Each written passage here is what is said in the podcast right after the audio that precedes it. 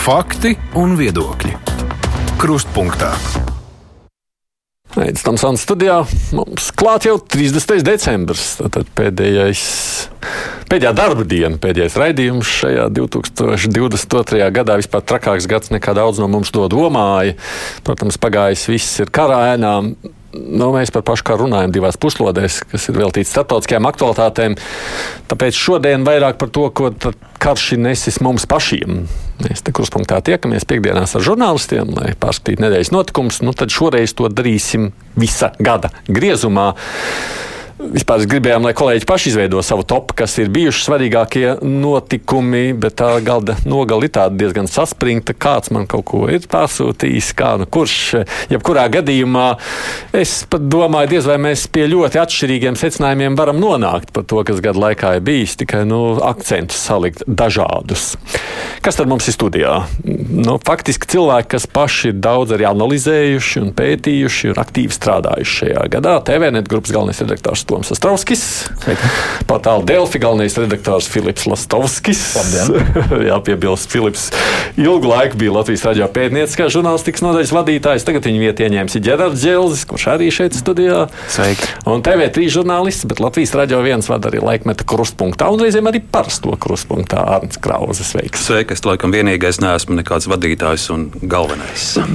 nu, programmu vadītājs ir vadītājs kā vadītājs. Tā kā tepat vienīgs jā, jā, jā. Īsnībā Filips, tad, kad sūtīja tās savas domas par šo gadu, man atgādināja, ka mēs taču jau pagājušā gada nogalē runājam par pandēmiju, par strīdiem par vakcīnām. Tas taču liekas ārprāts. Bet ir aizvien. Ja mēs paskatāmies uz pagājušajā dzīvē vispār. Jā, un nē. Ja tad paskat, nē, nu īstenībā nē, tas ir šajā dzīvē. Vienkārši Ukraina ir visu tā nomākusi. Ja mēs paskatāmies Google meklētākos atslēgas vārdus šajā gadā, tad uh, tur certifikātu jautājumi ir top 5. Tas cilvēkiem bija. Līdz, kurā, līdz kuram gadam bija? Pa, līdz kuram datumam bija? Arī ārkārtas situācija atcēla. Man liekas, 24. februārim. Šajā gadā tas ir. Nu.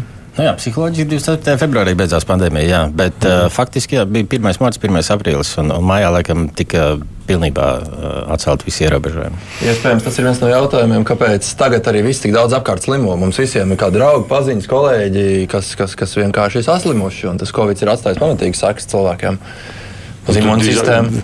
Nevar jau saprast, drīzāk varbūt atstājis tā ierobe, nu, visu laiku sargāšanās. Nu, beidzot, trīs gadus tie parastie vīrusi arī visu laiku cietās, cietās, cietās, nevarēja sameklēt cilvēkus. Nu, beidzot Tagad ir atraduši, beidzot, visu laimīgi. Slūžas beidzot ir vaļā, ballītes nāk. Nu, protams, ka kaut kāda psiholoģija noteikti tur ir. Jā. Uh, bet droši vien par to nav vērts vairs runāt. Kas ir bijis, tas ir pagājis. Kāds nav beidzies? Nav beidzies? Nē. Mēs par to nerunājam, jā, tas nav mūsu prātā, bet nav Covid ir eksistējošais aizvien. Un mēs, ja paskatāmies globāli lielo mēdīju pētījumus nogalē, tur viss ir par Ķīnas situāciju un kā šis diktatoriskais režīms cīnās ar, cīnās ar izplatību. Tur ir vesels fabriks, tiek ieslēgts un nelaists nedēļā mājās ārā. Iet nu, parasti cilvēki. Viens saslimst, visa fabrika paliek, paliek, paliek sēdēt. Tagad redz, viss ir mainījies un arī līdz ar to, to jauši baigi. Bet, ja runājam par būtisko no jūsu skatu punktu, no Arna, tavuprāt, kas tev būtu tas, par ko, tev, ko tu novērtētu kā tādu svarīgāko šajā gadā? Nu, protams, 24. februāris un Krievijas kara sākums. Es domāju, šis rīts, 6 no rīta Ukrainā. Un, un pirmie bumbu sprādzieni tur nu, izmainīja daudz ko pasaulē un Latvijā. Um, mēs tur dažādas aspektus varam vērtēt. Man liekas, svarīgākais, ko parādīja Ukraina, dažas lietas par Latvijas sabiedrību, par mums pašiem. Un, un, man liekas, tā svarīgākā ziņa par mūsu tādu vienotību, krīzes laikā, iecietību, līdzjūtību. Rūta Dimants šorīt stāstīja. Sabiedriskajā medijā, radio vai televīzijā es ne, nesadzirdēju, bet, bet ka Ziedot LV šogad saņēmis rekordu lielu ziedojumu summu - 20 miljonus.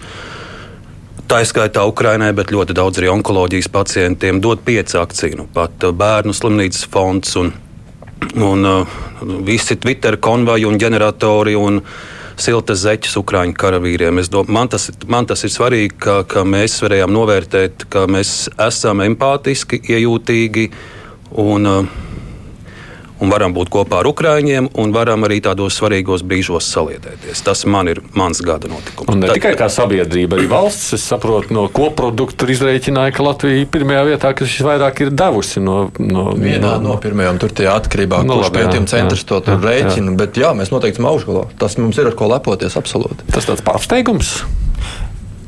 Ja mēs runājam tieši par, par pašu iebrukumu, manuprāt, ar ko es tiešām ļoti, ļoti lepojos, ka mēs bijām pirmie, ka mēs tiešām uh, stingri ra raķetes piegādājām, kas, kas tiešām ļāva viņiem pirmos desantus ja, uh, sakaut. Jā, ka, ka, varbūt labojiet, bet man liekas, ka, ka Latvijas bruņoties spēki vēl paspēja Jā. dažas stundas pirms Krievijas sāka uzbrukumu, jo man kaut kur atspriekšā tā fotografija fabriks bija, kas ielicis, ka, ka mūsu lidmašīna bija viena no pēdējām Kijavas lidostā, kas paspēja vēl piegādāt. Mm bruņojuma lietas. Un tas, manuprāt, ir ļoti svarīgi, ka, ka, ka mēs turpinām to atbalstu. Mēs esam ļoti aktīvi. Un, un, un, un arī man liekas, tas ir mūsu arī Latvijas un visas sabiedrības uzdevums mums būt Baltijas valstīm, Latvijai, tiem, kas, kas, kas virza šo un uztur šo, šo cīņas spāru. Es domāju, mums, kas mēs esam rietumu pusē, bet, bet mēs esam tieši pierobežā. Tā kā es domāju, tas ir ļoti, ļoti svarīgi. No otras puses, man tādā ziņā tas varbūt liktos pārsteigums, jo tad, kad es sēžu brīvā mikrofonā un gadu gadiem klausos ļaudis, viņi saka, ja vēlreiz būtu barikāžu laiks, mēs vairs nekad neietu pasties. Tā kā nemetās, nu, visi vienojās. Man liekas, es, es varētu arī paturpināt Arni teikto, proti par, par tām vērtībām, jo, jo uh, 24. februāris, lai arī tas nebija kara sākums, tas bija iebrukuma sākums. Un, un, bet nu, šeit man nav tik būtiski. Bet svarīgais ir tas, ka Mm, kā mēs rīkojamies izšķirošos brīžos. Un, un, teiksim, no gada notikumiem man pavisam noteikti pirmais uh, Latvijas mērogā uh, ir uh, gājiens, kas bija, ja nemaldos, 5. martā. Man šķiet, uh, gājiens, kas bija pret, uh, pret Putinu un par Ukrainu. Un tas ir ļoti būtiski. Uh, pašiem redzēt un sajust, ka ne tikai esam empātiski, bet ka mēs esam par vērtībām, mēs iestājamies un esam gatavi cīnīties par vērtībām, kas mums ir tik ļoti svarīgas. Tās ir ļoti vārīgas, ja mēs par tām necīnāmies ikdienā. Jo standartā, teiksim, nu, standarta situācijās uh, izmaiņas, uh, ja tas nav karš, uh, izmaiņas jau notiek palēnām, pa solītim. Teiksim, no sākuma mēs neusticamies varai, neskatoties to, ka paši ievēlējām. Tad mēs sākam apšaubīt zinātni, apšaubīt teiksim, potēšanās vajadzību, nepieciešamību, un tad sākam ieklausīties propagandā, kas Un tas viss faktiski noved pie tā, ka mēs lēnām zaudējam, varam zaudēt to, ko mēs esam sasnieguši līdz šim. Un, un šāds apliecinājums publiskajā telpā fiziski cilvēkiem, 30 tūkstoši aptuveni, kas piedalījās tajā gājienā, man liekas, ka tas bija tāds nu, drosmes un pašapziņas apliecinājums, lai arī ārējais teiksim, nu, stimuls to veicināja. Bet tas bija ļoti būtiski pašiem saprast, ka mēs varam, ka mēs gribam. Un 30 tūkstoši, protams, nav pusotrs miljonus vai vairāk, bet šajā gadījumā aktīvākā sabiedrības daļa uh, iestājās skaidri un gaiši. Un tas bija ļoti tāds nu, pacelājošs moments, kas deva impulsu arī, es pieļauju, arī politiskajā līmenī arī reaģēt varbūt vairāk, asāk, Varbūt, jā. Nu, reizēm liekas, mēs tādu noģisku uzrunāšanu esam, bet tā kā jādara, mēs izrādām, ka varam darīt. Tāds apmēram jāsacina pēc šī gada pārsteigumiem. Man. Nu, jā, nu, manuprāt, arī par, par pieminekļiem, ko mēs arī atvērtajos failos esam, esam runājuši. Arī Filips, tu esi, tas bija tavs, tavs raidījums vai ne par, par šīm sekām.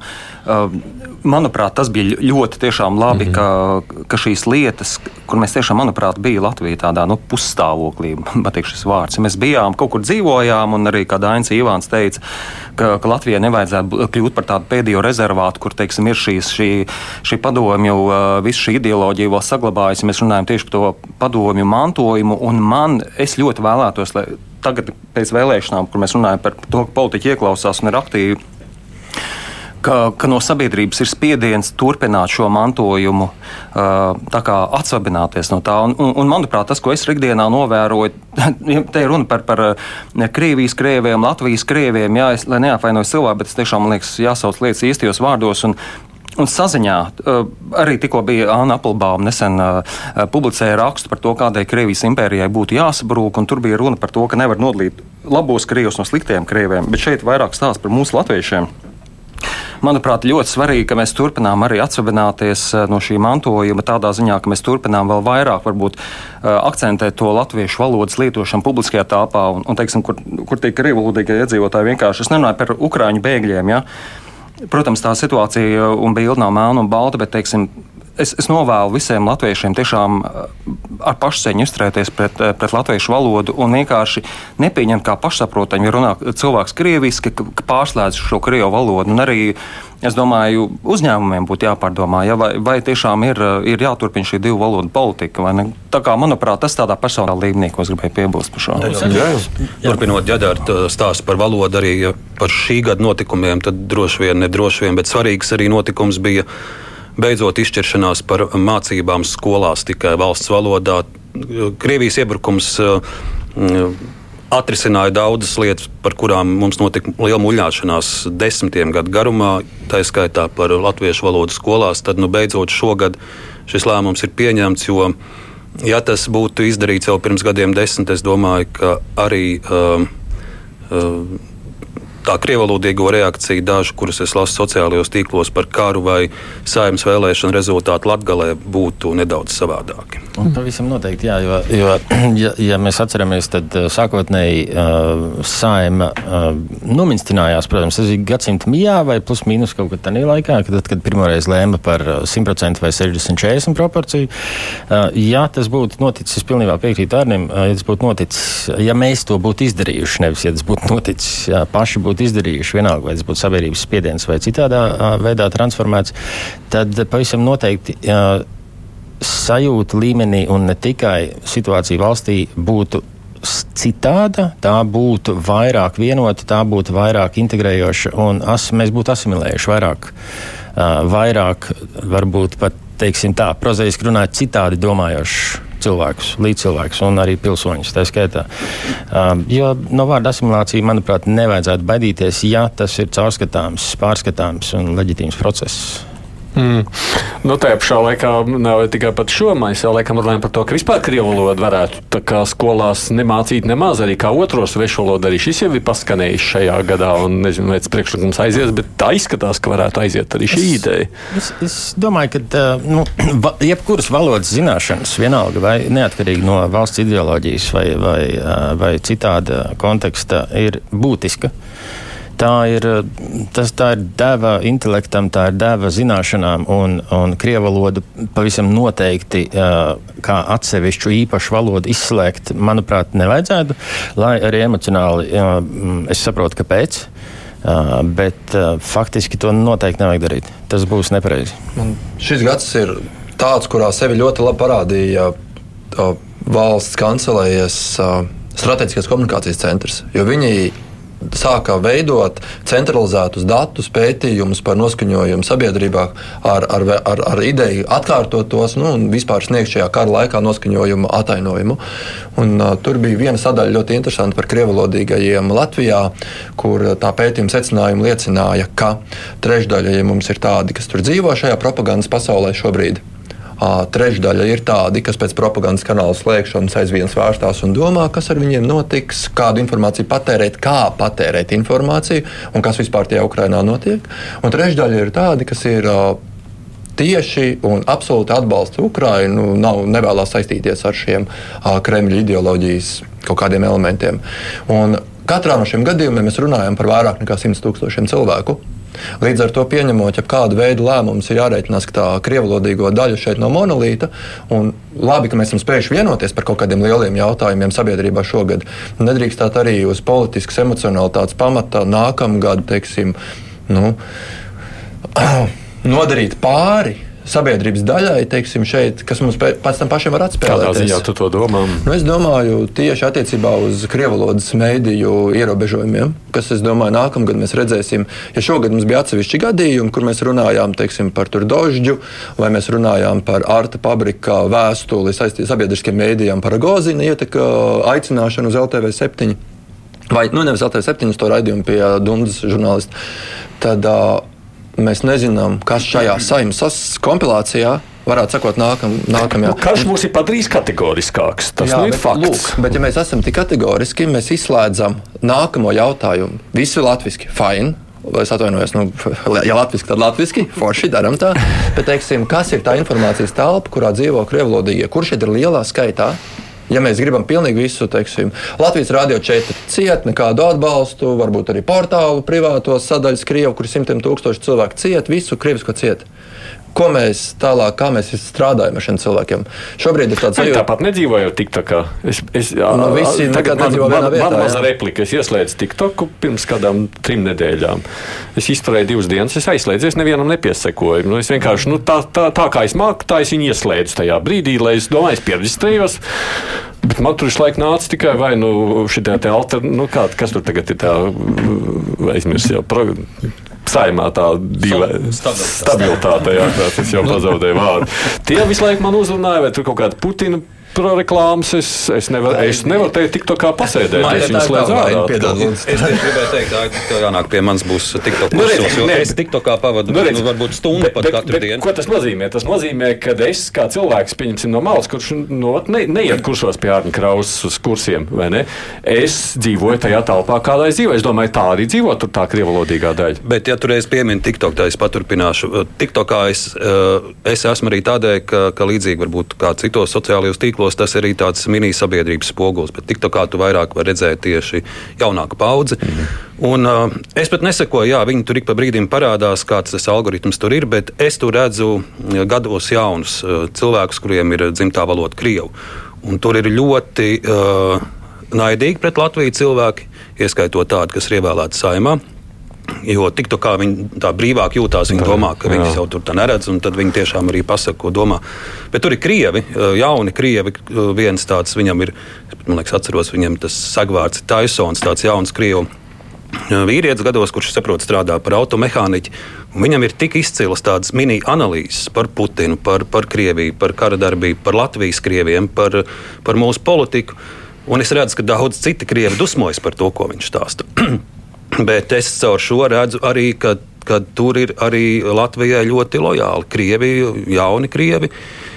Par kuriem citi krievi dusmojas, ka viņi, ka viņi tādu viedokli pauž. Tā kā, un otrs par krievu valodu. Uh, tur arī nevajag aiziet galējībās. Jo, ja mēs, teiksim, mūsu paudzes nezinātu krievu valodu, Kaut vai mēs nevarētu saprast, eh, ko dara, ko domā, ko raksta Ukrāņi. Ja, pateicoties krievu valodai, mēs varam ar Ukrāņiem, mūsu žurnālisti, Kijavā, Indra un citi, pateicoties krievu valodai, var iztaujāt Ukrāņus, var saprast, ko viņi grib pateikt. Kā, Nē, viena lieta ir profesionāla zināšana. Tas, kāpēc es šo jautājumu pavilku mazliet par to TikTok, tāpēc, ka vēl viena lieta, ko es, protams, nevaram nepieminēt šajā gadā, tas ir bijis ļoti būtisks izmaiņas mediju telpā. Un tieši tajā krievu valodā runājošā mums ir aizslēgta. Mums taču gadu sākumā nevienam nenāca prātā, ka mums būs aizslēgta visi RTR un visi tie pārējie aizliegti vispār no YouTube sistēmas, no visurien, visurienes izņemti ārā. Un tas nozīmē, ka šī auditorijas, kas ir liela taisnība sabiedrības daļa, šajā gadā ir meklējusi savu vietu. Un ļoti daudz ir atraduši TikTokā un tādās vietās, kur neviens nekontrolē. Lai, tur, tur nav nekāds deputāti Grevcova nebūtu saimā, ja viņai nebūtu konts TikTokā. TikTokā nu, redz, jā, jā. Kas nozīmē, ka šī arī tāda būtiska pārmaiņa vismaz Krieva auditorijai šajā gadā paradumu maiņā? Manuprāt, te arī ir tā atslēga. Mēs runājam par, teiksim, par šo izglītību latviešu valodā, skolās. Nu, jau, jau pēc Krimas aneksijas, ja es atceros, es pats arī ar, ar ārvalstu kolēģiem palīdzēju veidot ja, reportāžas no Latvijas, jo, kur bija stāsts, nu, kur, kur rietumu mēdījos, tagad, nu, tagad Latvija un būs jaunais tas punkts, kur izveidosies, vai ne, tagad sāksies trešais pasaules karš, kas tā bišķiņ, nu, tas mieniņš bija par to, bet jebkurā gadījumā es arī biju tur uz vietas un es runāju jauniešiem, jauniešiem, kas bija 11 gadnieki, tekoši runāja latviešu valodā, es nevarēju pateikt, vai, vai viņš ir teiksim, latviešu tautības, vai krievu tautības, vai kādas citas. Tam nav nozīme. Manuprāt, tur tiešām ir tā politika, un tur ir vienkārši ir likumiskā ceļā. Šīs izmaiņas jāpieņem. Un es domāju, arī, teiksim, protams, ir tā, tas ir tāds atsevišķs, atsevišķa joma.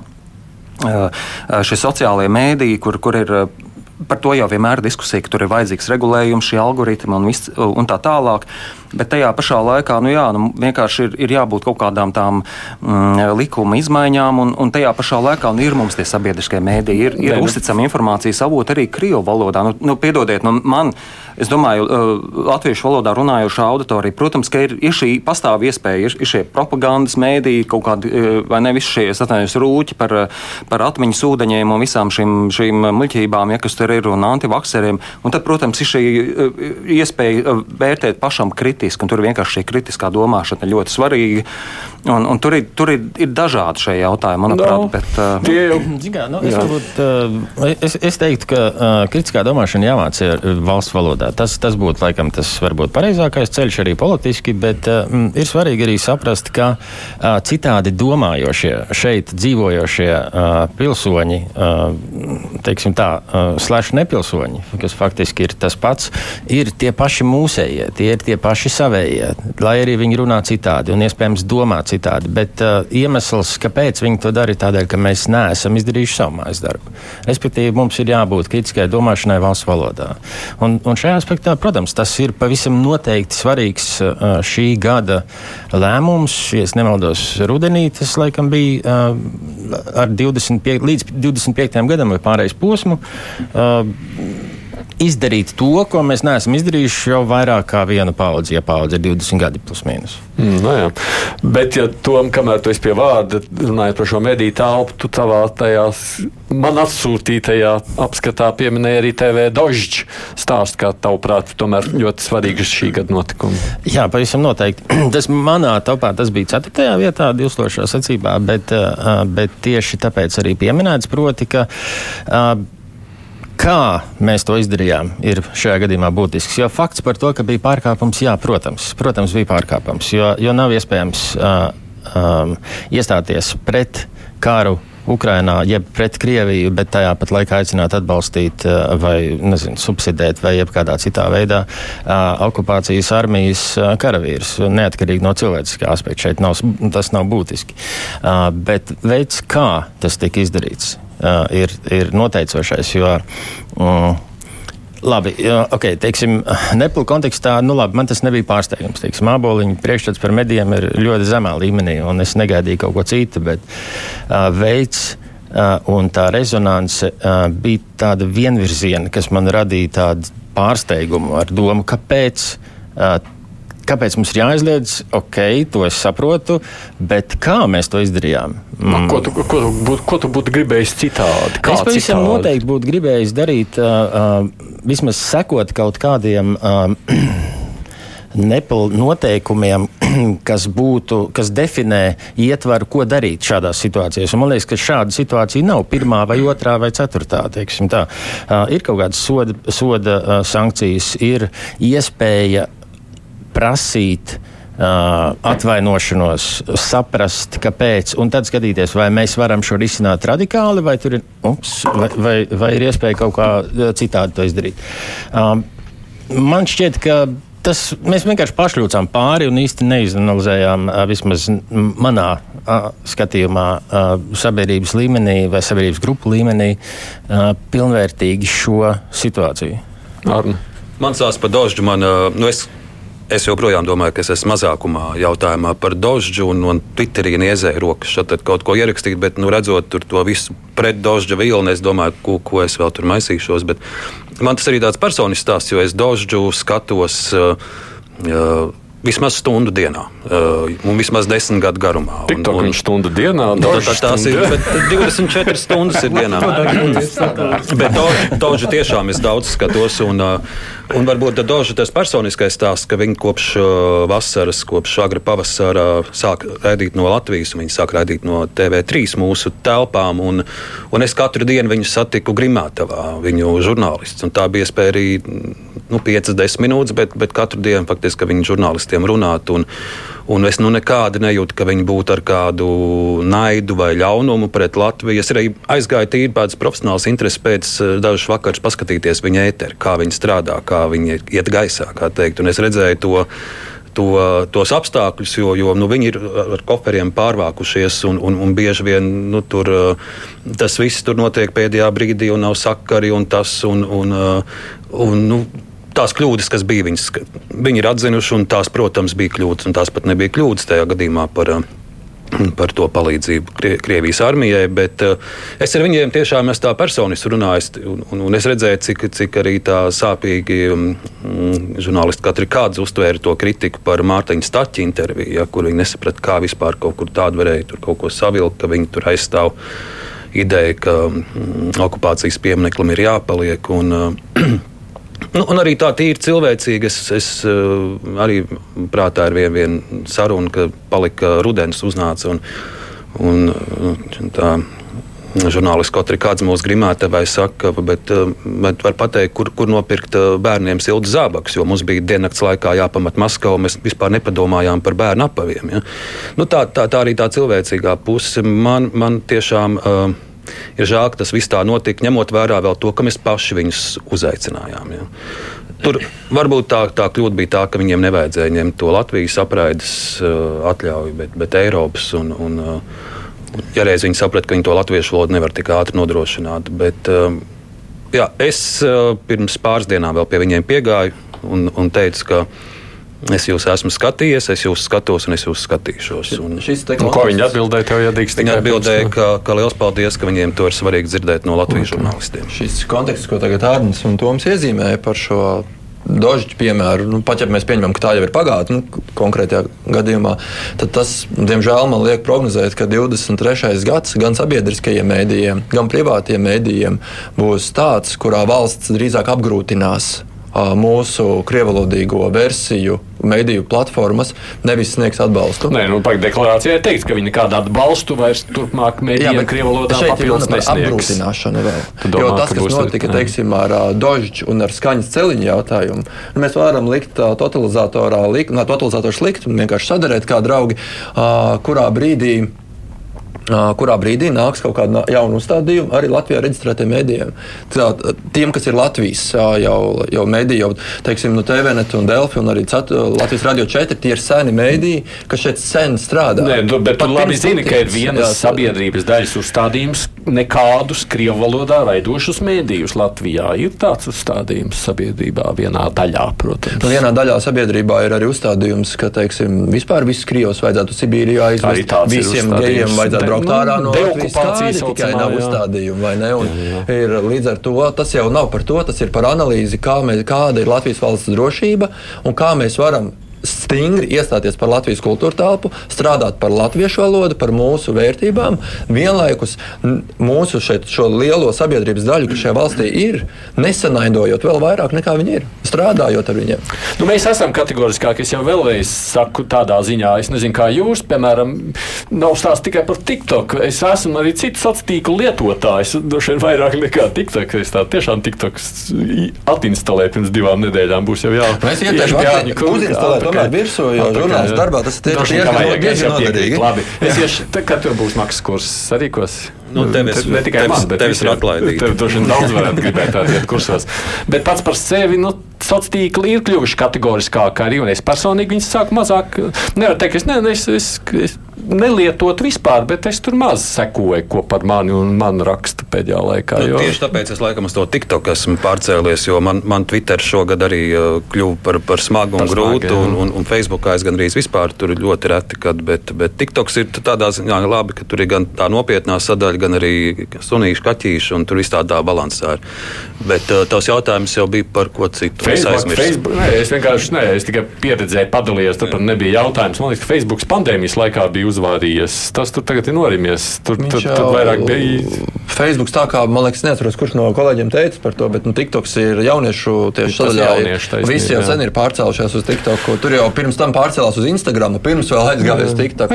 Man bērns, bet man bērns saka, ka drīz jau no TikTok arī. Nevajag arī to tā kā pārspēlēt par to, ka tur tikai jaunieši ir. Jo, teiksim, nu, Delfī šobrīd TikTok konts ir pēc tam datiem, kas mums ir, ir populārākais Latvijā no mēdīju zīmoliem ar 36,000 sekotāju, jau, nu, kur ir tieši ziņas, kur mēs liekam. Mm. Un tā procentuālā pīrāga daļa, kur ir vecuma grupa līdz 24 diviem gadiem, mums ir ap 40%, 38% no šiem visiem. Tātad tie visi pārējie ir virs 24, tur virs 40. Tur nav tikai jaun, tas nav tāds jauniešu komēdiņas tās. Tas ir, tā ir vieta, kur arī iegūt saturu, kur, kur mēs varam sasniegt auditorijas. Viss. Atgādināšu tikai šeit mums studijā ir četri žurnālisti. Toms Astovskis no TVNet, Filips Lastovskis no Delfiem, no Latvijas raidījā pētnieciskā žurnālistika Džedars Džēls un laikmetu kruspunktā vadītājs un TV3 žurnālists Sārnis Krauze. Raidījums Krustpunktā. Nu, droši vien jāpiemina saimnes vēlēšanas, tas tomēr ir bijis prognozētais notikums šajā gadā. Ko jūs sakāt par tām vēlēšanām? Bija beigās arī gada notikums. Es domāju, ka noteikti tas bija noteikti arī gada notikums, bet mēs runājam par Dožģi, mēs runājam par sociālajiem tīkliem. Un tad, protams, mēs runājam par Ukrajinu vai ne, par Krievijas iebrukumu 24. februāri un par to, ka cilvēki kļuvuši kategoriskāki. Un tad, protams, manuprāt, šis gads iezīmē to, kas ne, ne tikai Latvijā, bet arī Baltijas valstīs, ja mēs piemēram runājam par meža nozari, ja, kur, kur notiek šī skailcirtas meža izciršana, ja, ko mēs esam arī runājuši atvērtajos failos, uh, šīs visas lietas, kas notiek aiz, aiz uh, slēpjoties aiz izkārtnes uh, Krievijas uh, iebrukums un karš Ukrainā, un kur ir tie radikāļi. Ja? Un, manuprāt, arī šis pašreizējais saimnes sasaukums, ja mēs skatāmies ar to, šo civilo um, ne, savienības likumu, šo kopdzīvi, manuprāt, tas jau iezīmē, kas ir šis saimnes sastāvs un, par ko ir šis stāsts. Jo, manuprāt, ir kaut kādas lietas, kas vienkārši ir nepieņemamas, kurām sen bija jābūt vienā, vienā normālā demokrātiskā sabiedrībā. Tas ka vēlētāji gribu šajā brīdī vēlētāju vairākuma gribu. Protams, bet tas ne, nenozīmē, ka šim vēlētāju, vēlētāju vairākumam ir taisnība un ka viņi ir pareizi rīkojušies. Varbūt es, es domāju, ka, protams, mm. neņemsim, uh, pareizāk sakot, ņemsim vērā arī to, ka bijušas, protams, mērķtiecīgas reklāmas un, un lielas naudas, kas ir ieguldītas vai ne, uh, lai, lai uh, cilvēki nobalsotu tieši tā, un mēs dzīvojam šajā, šajā sociālo tīklu laikmetā, un, un protams, pašreizējais saimnes sasaukums arī runāja kontekstā tieši ar Dožģu un to, kā šis viss notika, man arī bijušas, protams, pašam ļoti liels pārdomas, un es saprotu, ka ļoti pats es duāli par to jutos, kā tas viss notika. Ar, tu noteikti zini labāk, tu, tu esi pazīstams, vai ne? Tu stāstīji žurnālistiem, un nu, tu tiešām sakojies, es līdz tam vairāk, es atzīšos arī mazāk, esmu dožs tiešām skatījies, bet manuprāt, te ir vienkārši runa par šo. Mēs runājam, ja mēs atgriežamies ne, nedaudz īsi un pieskaramies šim dožu tematam, tas ir runa par Krievijas mēdīju, kara apstākļos, bet patiesībā tā ir runa par Latvijas stāvu un ko mēs esam sagaidīt attiecībā uz Latvijas mēdījiem. Bet es atgriezīšos pie saimnes. Pie saimnes, man liekas, pāris tās svarīgās lietas ir, ka balstiesīgu aktivitāti. Tomēr nobalsoja vairāk nekā 50%, un pirms vēlēšanām pat eksperti bija diezgan mm. skeptiski, vai pusi maz aizies. Tāpēc tā, man liekas, ar katrām vēlēšanām ir vien mazāk. Tā, man liekas, ir laba ziņa, ka vismaz pusē balstiesīgo Latvijā nebija vienalga, un viņi devās uz vēlēšanām. Un otra lieta, ko saimnes vēlēšanas parādīja, šī zināmā frāze, ka katra balss ir svarīga. Un, uh, ja 250 vēlētāji nobalsotu par attīstībai, par droši vien arī šī brīža valdība būtu savādāka un visa Latvijas politika būtu atšķirīga. Sociālo tīklu nozīme, kā jau teicu, es domāju, Glorija Grefcova nebūtu saimā, ja nebūtu TikToks. Un, uh, Visa stabilitāte varētu arī nebūt. Nu, jā, un um, viss ir Rostovs branža. Nu, arī saimas sastāvs. Saimas sastāvs, mēs sakām, ir jauna saima, bet, bet patiesībā jauna veca saima, jo krietnes skaits deputāti jau ir bijuši saimā, un mēs viņus zinām. Tas varbūt arī tādā ziņā, ka šī saima ir tāda prognozējumāka un paredzamāka, jo daudz no viņiem jaunievēlētajiem, viņi jau tur ir bijuši pirms, kā piemēram, deputāts Brigmans un, un citi, viņi jau pirms 20 un, un senāk gadiem tur ir bijuši. Mm, labi. Uh, nu, mēs, mēs runājam par to, ka uh, TikToks uh, uh, ir, ir noteikti iespaidojis. Uh, TikToks ir veidojis saimu. Nu, kaut kādā aspektā noteikti, bet es, es, es gribētu teikt, ka drīzāk TikToks ir rīks. Un, un uh, ja nebūtu Krievijas iebrukums Ukrainā, tad visticamāk saimnes sastāvs un arī aktivitāte vēlēšanās būtu bijusi cita, ja tas kļuva par tādu uh, stimulu līdz līdzdarboties, piedalīties gan tiem, kas uzskata, ka Krievija ir agresors, gan tie, kas uzskata, ka nē. Un, un, protams, arī nosacīti latviešu nepareizi, bet trešā puse, kas vēlējās šī kara šausmu kontekstā un pandēmijas pirms tam un arī vēl tagad kontekstā vēlējās stabilitāti ārpus partijas nosaukuma. Stabilitāti kā vēlmi ticēt uh, tam, ka mēs tiksim pāri, mēs izdzīvosim, mēs izdarīsim to, kas ir nepieciešams, lai mēs varētu turpināt ne tikai dzīvot, bet arī to darīt pilnvērtīgi. Uh, Tā kā, nu, es teiktu, ka Ukraiņas karš, protams, iespaidoja visu, tā skaitā arī saimnes vēlēšanas. Un, un tas aspekts, arī, ko mēs arī šeit runājām, proti par radikalizēšanos viedokļu un pozīciju. Um, Protams, ka tas ir uh, tas negatīvais moments, kas ir saimnes sastāvā redzams, proti, konservatīvo vērtību, es tā saucu, konservatīvo vērtību pārstāvju uh, teiksim, vairākums, uh, konkrēti divu partiju, uh, NA un, un uh, partiju apvienības uh, kontekstā. Uh, tas ir tas, kas man šķiet uh, nav labi ko mēs, no kā mēs cietīsim četrus gadus. Iespējams, arī tas, ko Filips minēja saistībā arī ar Krievu, Krievu valodā rakstošo, raidošo mediju ierobežojumiem potenciālajiem. Tas varētu arī šādā formā izpausties pavisam noteikti. Un tas ir tas negatīvais, jo es nevēlos dzīvot, teiksim, Polijā vai Ungārijā, kur, kur ir jau fundamentāli rakstura problēmas ar, ar, ar ļoti daudz dažādām, mm, nu, manuprāt, ļoti svarīgām lietām, kuras nedrīkst mainīt. Man jau gribās reaģēt pašam, kā žurnālistam, uz tevi teikto, bet ļauj jau Filipam runāt. Ko, ko tu vēlēsies dzirdēt? Nē, ko tu domā par vēlēšanu rezultātiem un to pārsteigumu, ko tas atnes? Jo būtībā jau nevarētu teikt, ka mums gada sākumā pat domājam, ka arī vēlēšana rezultāti varētu būt tādi, kādi nu, gada sākumā bija. pirms kara mēs noteikti prognozētu, ka aktivitāte būtu zemāka nekā tā ir. Ka saskaņa būtu pirmajā vietā. Un tam līdzīgi. Tas viss izvērtās citādāk. Lielākais mm. pārsteigums, protams, ir saskaņas neno, vispār, neiekļūšana. Vispār, vispār, mēs redzējām, ka attīstībai par vēlētāju sodīja savu partiju, uz tā rēķina progresīvi ieguva daļēji, uz tā rēķina progresīvi ieguva lielāku pārstāvniecību, bet nu, ne tikai. Mēs redzējām, ja, ka šīs vēlētājs ir parādījis, ka viņš vēlās uh, konservatīvu vairākumu. Tas tādu, tādu mēs nu, saimniekam. Tā ir, bet vienlaikus nevajadzētu ar to aizrauties, jo ko nozīmē, tas nereprezentē visu Latvijas sabiedrību. Ja mēs paskatāmies desmitos tūkstošu balsu, cik katra šī partija ir ieguva, ieguvusi, tas absolūti nav nekāds vairākums. Tāpēc tas ir tā bišķiņa reizē manipulatīvi skatīties, bet vēlēšanās tā bija. Līdz ar to mēs noteikti nākam, nākamie gadi mums būs koncertīvā zīmē, zīmē dzīvot. Es ne, negribu teikt, ka tas ir obligāti slikti vai labi. To mēs redzēsim no nā, nākamajiem lēmumiem, kā mēs tiksim galā arī, kā turpināsim iestāties par atbalstu Ukrainai. Jo nākamais gads ir ar risku, ka varētu mums iestāties gan politiskā, gan sabiedrības līmenī Ukraiņas no, ziņu nogurums. Tur iestājās gan politiskā, gan mēdīņu atbildība. Jau tagad mēs Google uh, datos redzam, ka sākoties no kara sākuma līdz gada nogalei, interese uh, Google meklētājā no Latvijas par Ukrajinu ir pakāpeniski sarukusi. Tā tāpat ir augsta, bet tā ir ar lejupējošu tendenci. Jo zemāka ir interese, jo mazākā ir atbildības pieprasīšana no politiskā līmeņa. Jo mazāk saimā redz, ka tiek pieprasīta atbildība, vai šīs ja temats ir aktuāls jo lielāks ir risks, ka mēs kaut kur padodamies. Bet nu, šajā ziņā it kā šķiet, ka politiskais atbalsts vismaz Ukraiņas jautājumā ir. Šobrīd, šobrīd viņš ir, bet tas, kas notiks nākamo četru gadu laikā, nu, ir, tas nav tā pašsaprotami. Protams, skaidrs, ka šādi jautājumi, ko arī Džedars pieminēja par civilo savienību, kas ir tur uzreiz nu, iezīmē, ka nebūs teiksim, cilvēktiesību atbalstoši šī saima ka tur varbūt būs kaut kādas minimālās prasības izpildītas, bet nu, teiksim, mēs neiesim ne soli pretī vairāk par aizmirstiet par Stambulas konvencijām un par civilām savienībām. Būs brīnums, ja kaut bišķiņ kaut ko uzmanīgi. Tas gan līdzīgi jau bija iepriekšējā saimā un pirms iepriekšējā saimā un pirms, pirms iepriekšējā saimā. Mēs Tomēr, jau tādā šī ziņā... diskusija bija vismaz iespējama. Šobrīd viņi izskatās, ka nenonāk pat jautājums līdz darba kārtībai. Tas arī gan. Un tas ir pilnīgi kaut kas cits. Līdz ar to tas, es negribu teikt, ka visa šī saima būs kaut kā slikta. Nē, tas, ka viņi koncertīvi obligāti nav slikti, mums ir daudz dažādu. Mēs esam viena no nabadzīgākajām valstīm Eiropas Savienībā. Tur šie jautājumi, kuri ir jārisina, ir ļoti, ļoti dažādi. Tas nav tikai par civilo savienību vai tikai par Ukrajinu. Līdz ar to varbūt saimnes jau parāda citos, nu, teiksim, Citās dimensijās labi, bet teiksim, prognoze, es neesmu pārāk optimistisks tajā, bet vēl ir iespēja dot, dot jādod viņam ir iespēja. Mm. Cita lieta ir atdošana, vēl, ka mēs redzējām amatus, kāds tiek dalīti.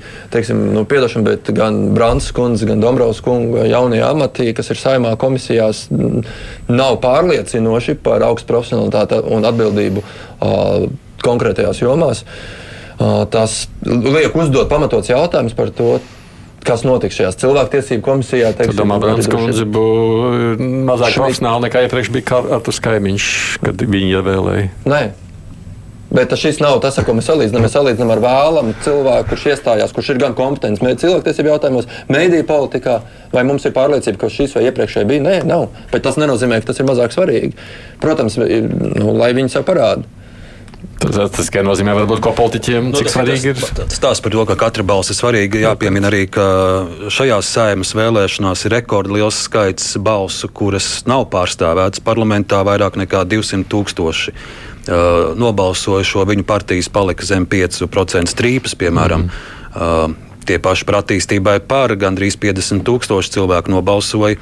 Pietrūks 250, un šie 50 tūkstoši nav pārstāvēti. Ja, piemēram, attīstībai par kaut vai ar sešiem deputātiem būtu iekļuvuši, droši vien mēs te savādāk runātu gan par uh, civilās savienības likumu. Tur bija viena partija, kas bija ļoti tuvu pie 5%. Saskaņa arī bija tuvu, jā, saskaņai tur pāris tūkstoši. Bet, uh, Bet jā, tas arī stāsta par to, ka, ka ļoti liels skaits uh, uh, balsotāju nav pārstāvēti šajā saimā. Tā, Tās viņu balsis pēc tam pārējie pārdalīja. Vēl ir viens, ka nu, tas bija Latvijas televīzijas sižets, vai ne personīgi piedodiet. Es neatceros, kur bija Pīlēna kungs tika intervētas, kur viņam prasīja par uh, Rajeva šo te, kāpēc viņam šī pielaide netika sniegta un kas ir bijis tas pārkāpums. Un tajā brīdī, kad žurnālisti jau to bija atklājuši, kas tur ir par lietu, tad uh, izvairīja, ka nekomentēs, neteiks, kas ir viena cita bīstama iezīme, cik teiksim, apvienotais saraksts, cik viņi ies kā populistiskā, izvairīgā līmenī, vai cik viņi būs atklāti pret sabiedrību. Šobrīd šajā, piemēram, apvienotā saraksta gadījumā uh, tās pirmās pazīmes ir sliktas, nevis labas. Viņi velk uz populistiskām iezīmēm. Teiksim, ja mēs zinājām, ko sagaidīt no Nacionālās apvienības vai no jaunās vienotības, par apvienoto sarakstu mēs nezinājām, ko sagaidīt. Mēs zinājām, ka viņi izliekās par jaunu veidojumu, lai gan tur realitātē nekas jauns nav. Ka mēs zinājām, ka Pīlēna kungam ir kults tāds sekotāju liels fanu bāze, kas viņu kas palīdzēs iebalsot iekšā pārējos deputātus jaunos, bet mēs nezinājām, kas, kā tieši viņi izpaudīsies. Un pirmās pazīmes ir visai tādas uh, bezatbildīgas, kur viņi atļaujās teiksim, nu, izlikties, ka problēma kaut kāda neeksistē. Nu, ko izgaismoja šis arī Pīlāna kunga gadījums. Man liekas, tas bija tomēr de facto, ja nemaldos, bet piedošana nekā TV3 kolēģiem un nekā personīgi, ja es, ja es, ja es kļūdos. Nu, jā, ne jau tikai par viņu vienu. Mēs vakar jautājām Kučīnas kungam, piemēram, par truksni, tad tā atbilde bija tas, citu, trukšs, kā tas ir iespējams par trūksni jūrmalā, tas vienkārši ir kaut kāds kosmos. Kā, kur ir, teiksim, varam kaut kādas iespējamas sviras vai kur ir pat jūrmalas domas, tas ir vienkārši ārprāts. Kā tad kaut kas iespējams, ka tāds cilvēks ar tādu reputāciju un tādu CV negatīvās pēdiņās iekļautu, ir spējīgs tur atrasties kaut kādā tam nu, neredz. Kāds tāds komandējums, kā teica vakar? Jā, bet tas arī runāja par šo vēlēšanu rezultātu.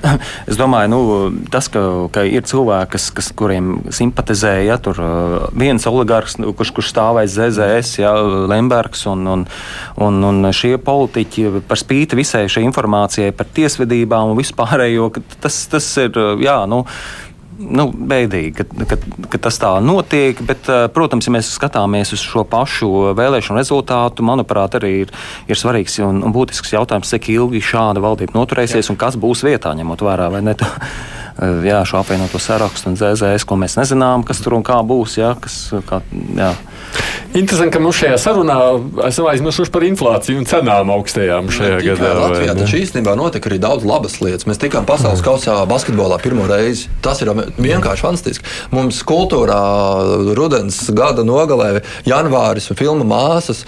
Šis filmas janvārs māsas tās īsā laikā savāca tik daudz Eiropas festivāla balvas, kā nekad Latvijas vēsturē iepriekš, vismaz pēc rietumskonas vārtiem vārdiem. Tā kā nav viss bijis slikti. Nē, nu mēs jau iesākām ar labo lietu Jā. par latviešu spēju palīdzēt. Nu, Jā, bet spēja palīdzēt kādos apstākļos, vai ne? Tas ir nu, ideālā pasaulē. Mēs, mums, mēs gribētu, lai šī palīdzība nebūtu nepieciešama. Nu, tas skaidrs. Ja mēs runājam par cenām mm. un, un, un grūtībām, nu, tā ir tā, ja mēs runājam par tām labajām lietām, ko mēs par žurnālistu runājam, tām sliktajām lietām, kas ir mūsu darbs. Es domāju, tas, ka, protams, dod pieci kampaņā, mēs tik, tik daudz tomēr esam saziedojuši, ņemot vērā par, uh, to, ka ir dažādas platformas un uh, ziedojuma iespējas, un es ticu, ka tiešām cilvēkiem ir grūti un spiedīgi.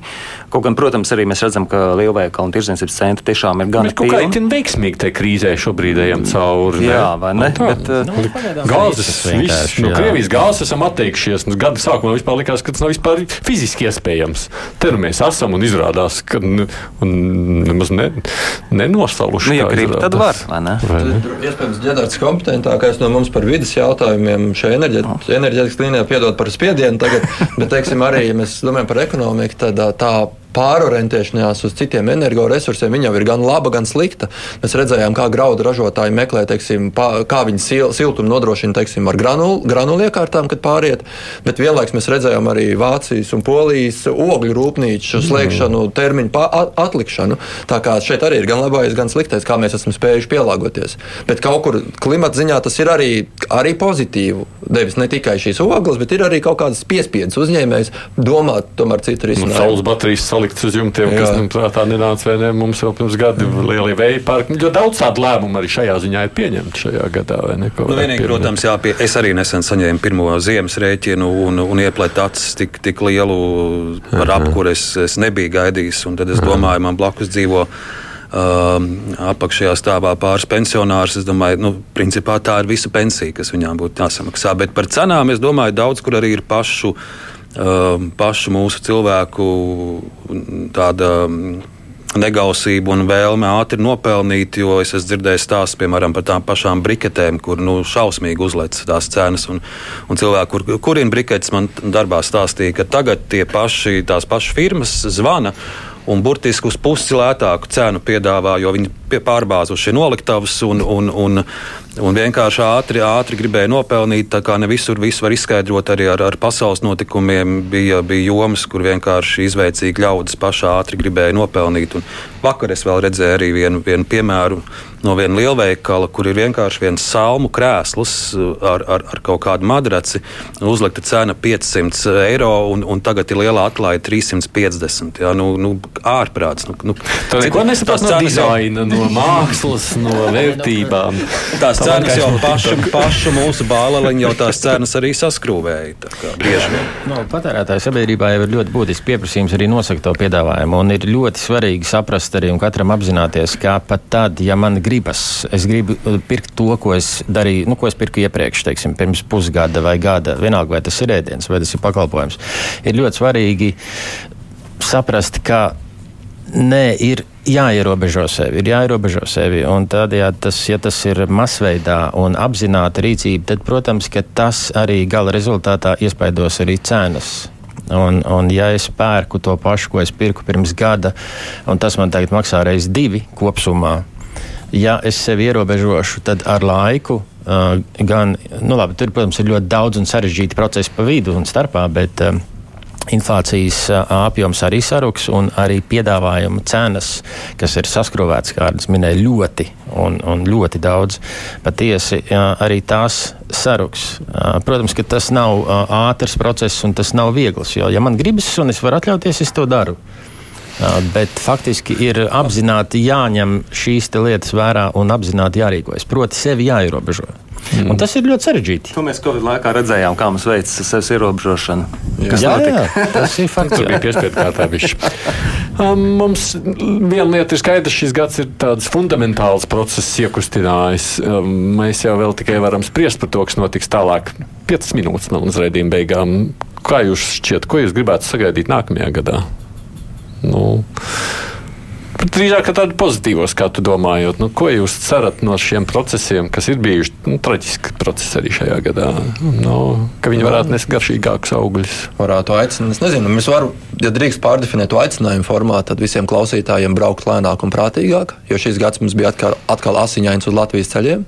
Mēs varam vismaz nodrošināt savu līdzcilvēku kaut kādu lielāku drošību braucot vienkārši prātīgāk un uzmanīgāk. Mēs varētu aicināt nenogurt no Ukrainas ziņām, gan sabiedrisko, gan privāto mediju klausītājs, skatītājs, lasītājs, jo tikai tas ir tas veids, kā mēs varam saglabāt šo Twitter konvoju fenomenu, ziedošanas atbalstu un politisko spiedienu, ka Latvijai ir jāiestājās par lielu atbalstu, ir jābūt cilvēku modrībai. Nenogurt no tā, lai cik bieži arī mhm. gribētos novērsties, mums ir jāsako tam līdzi. Un uh, izturību un palīdzību arī līdz cilvēkiem šeit uz vietas Latvijā, jo mēs tikko redzējām centrālā statistikas pārvaldes datus par nabadzības riska rādītāju 21. gadā. Tātad tas ir Covid laika periods.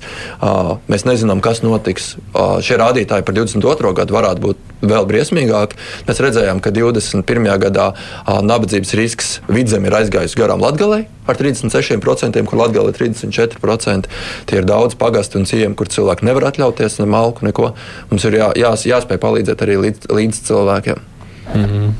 Es aicinātu šajā laikā cilvēkus varbūt atcerēties to, ka lietas nav pašsaprotamas.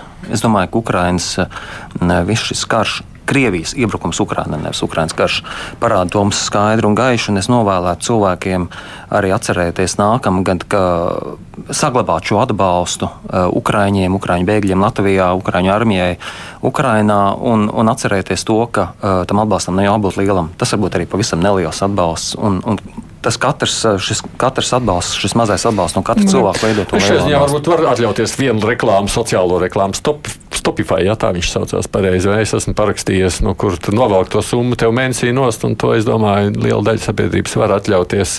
Vatikāna aicinājums var vienkārši izteikt cerības vēlmes vēl jums abiem. Nu, es tā varbūt simboliski, ka, ka mēģināt ar gaišāku skatu raudzīties uz pasauli, un, un īpaši no Latvijas radiomājas doma laukumā to var darīt, jo radiomājai šogad ir nomainīti un ir skaisti jauni logi ielikt.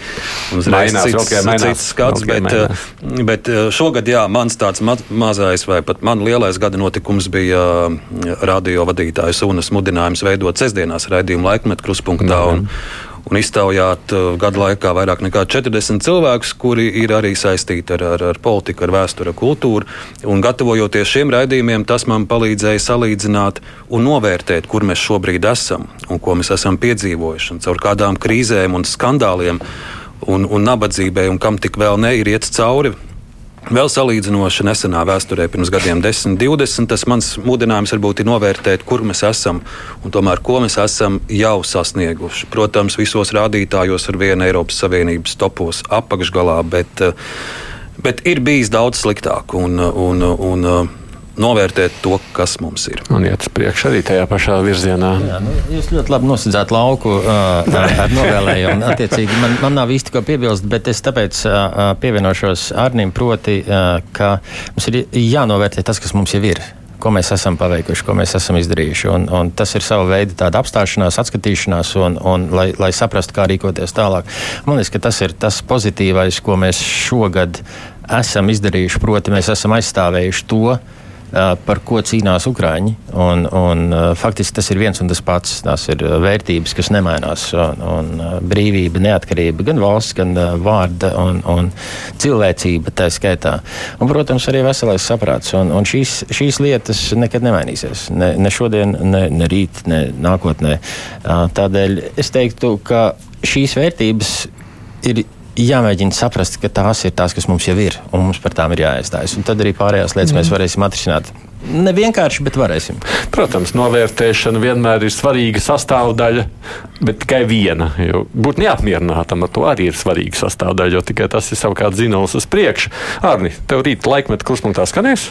Skanēs, skanēs, jā, nu, rīt vecgada pēdējā diena, un mēs ilgi producenti Ilzaginu domājām, ko lai aicinu, un beigās, beigās kolēģi iešāvās prātā doma jāaicina Valters Krauze.